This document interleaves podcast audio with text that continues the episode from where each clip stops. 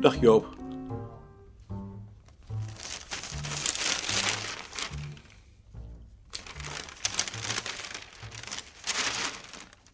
Dag Maarten. Dag Bart.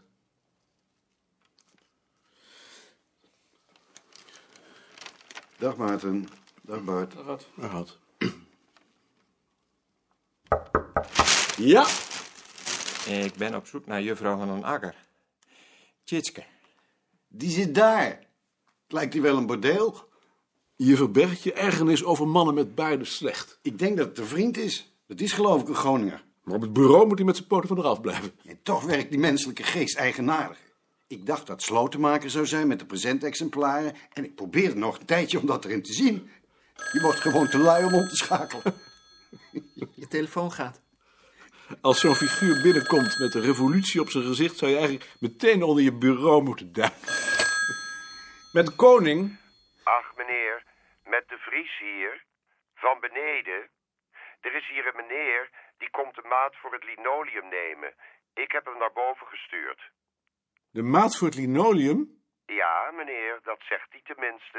Ik heb helemaal geen linoleum nodig. Nee, meneer, maar ziet u, hij zegt dat hij voor het bureau komt. Dus ik heb hem naar u gestuurd. Maar dan zou het toch weer voor Bavelaar moeten zijn. Jawel, meneer. Maar hij is nu al onderweg. Goed. Ik zal hem opvangen. Dank u wel, meneer. Er komt een man met stalen linoleum. Ik denk dat het Sinterklaas is. De dekking. Muller. Ik kom voor het linoleum. Maar we hebben helemaal geen linoleum nodig. Ik denk dat u verkeerd bent. Ik, ik moet bij het bureau zijn. In ieder geval moet u dan toch bij de administratie zijn. Ik breng u wel even. Ik breng meneer wel even. Ik moet toch naar Jaring.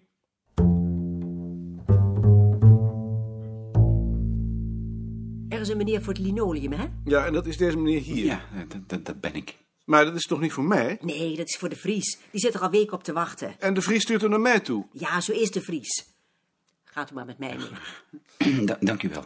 Hij had een hekel aan elk woord dat hij gezegd had. Die eindeloze vloed woorden die steeds sneller uit zijn hoofd was gekomen. De meeste met een ondertoon van agressie, zelfbeklag, woede, drift. Zijn manier om zich in de rug te dekken. Geen goede manier, omdat het onvermijdelijk nieuwe woorden opriep. Je moet zwijgen tot tien tellen voor je praat en dan met een diepe stem heel langzaam iets heel gewoons zeggen. Daar luisteren ze naar. Daardoor wordt niemand gekwetst. Maar de keren dat hem dat gelukt was, kon hij op zijn vingers tellen. Eigenlijk alleen als hij een paar nachten niet geslapen had en zo moe was dat de wereld had kunnen vergaan zonder dat het hem geëmotioneerd had. Hij kocht de krant en liep langs de voorburgwal onder de bomen naar huis. In het donker kwam hij tot rust. Er kwam een klein gevoel van veiligheid in zijn borst. Genoeg om voor het eerst die dag wat ruimer adem te halen. Hij keek opzij naar de koppen van de krant in de vitrines van het handelsblad. En volgde de keten die daar was opgebouwd. Voedselcrisis, hongersnood, stakingen, revolutie, plunderingen, moord, chaos, epidemieën. Ieder woord hield de belofte in zich van bevrijding van het leven dat hij nu leidde en waar hij zelf niets aan wist te veranderen. En als het zover is, zal ik naar dit leven terugverlangen als naar een oase van rust, dacht hij. Dan pas zal ik ervan kunnen genieten. Hij vond dat een goede gedachte. Bijna goed genoeg om zich te verzoenen met een niet zo goede manier van leven.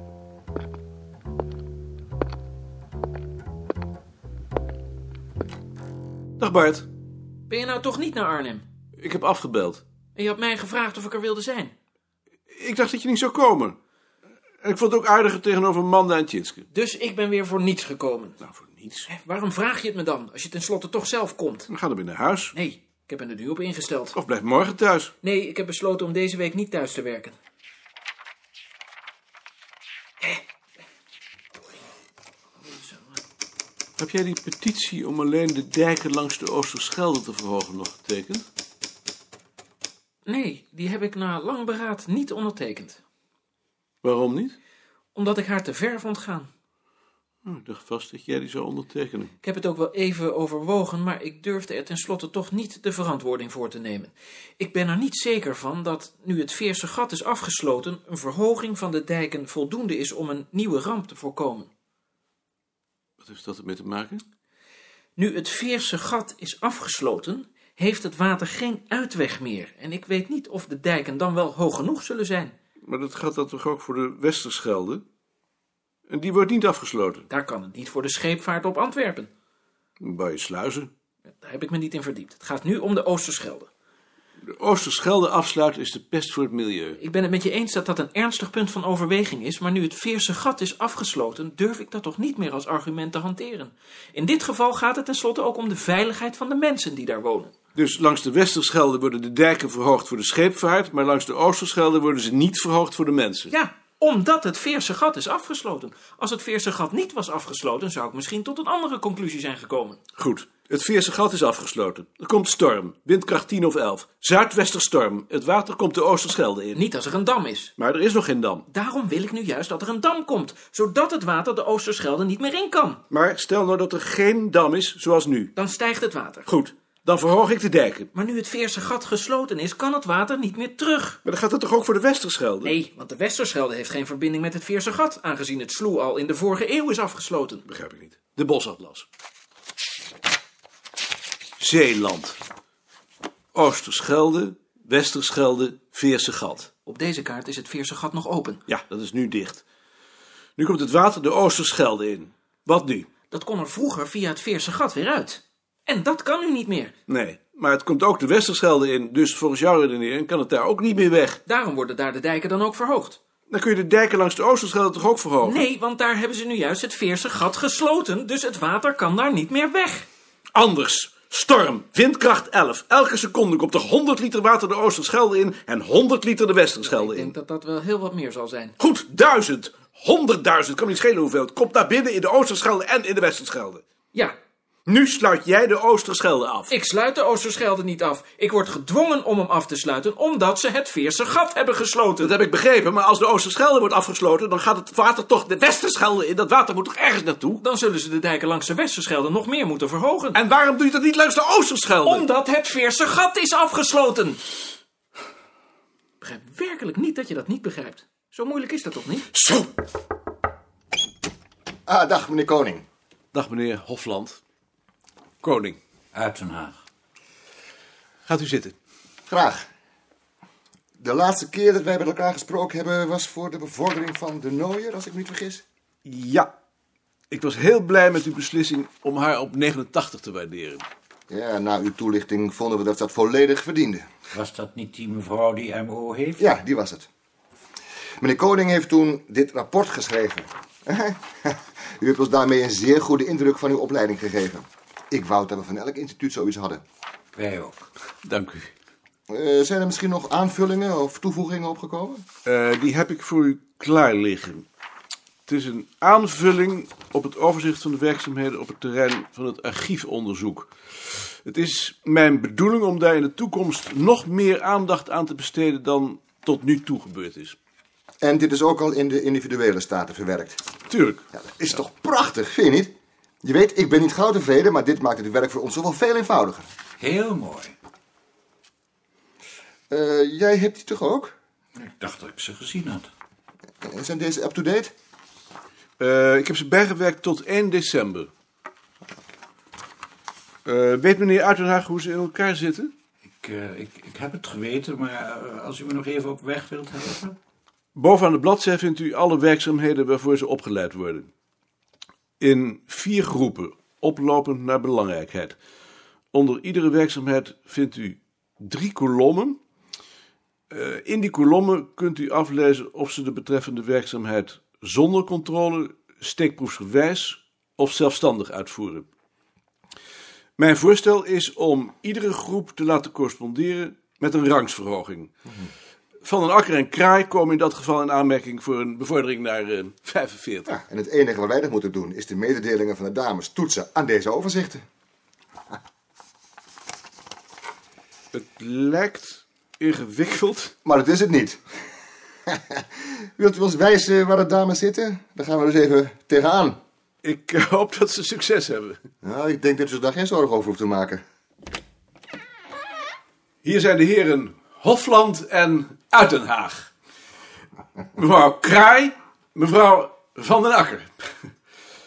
Misschien kunt u best aan de bezoekerstafel gaan zitten. We vinden de weg wel. Wilt u misschien een kop koffie?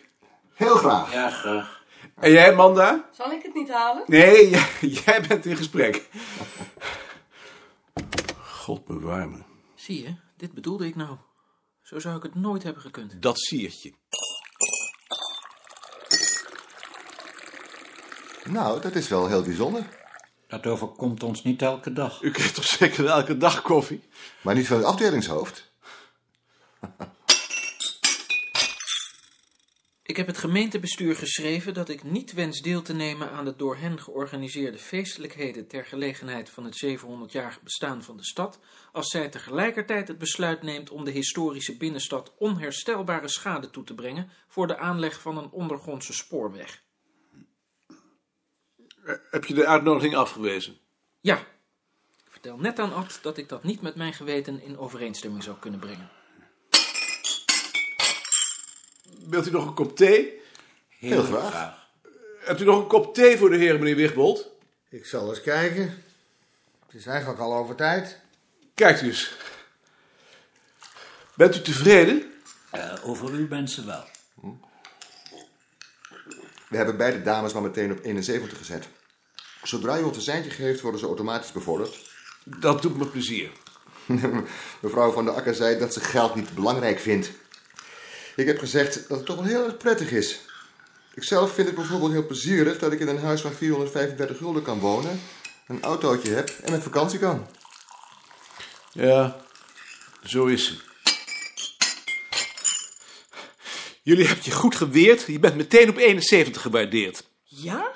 Dat had ik nooit gedacht. Hofland vertelde dat je geld niet belangrijk vindt, Tjitske, maar dat hij heeft gezegd dat het toch wel plezierig is. En? Ik heb gezegd dat je dat in je hart wel met hem eens bent, omdat je zelf ook voor een autootje spaart. Ik heb geen salarisverhoging aangevraagd. Nee, dat heb ik gedaan.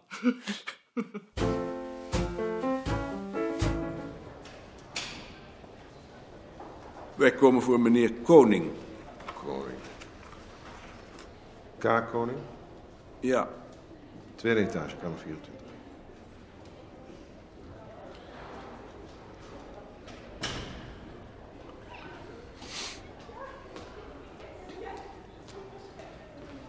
tweede etage.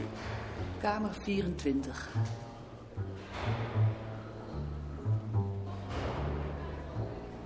K. Koning.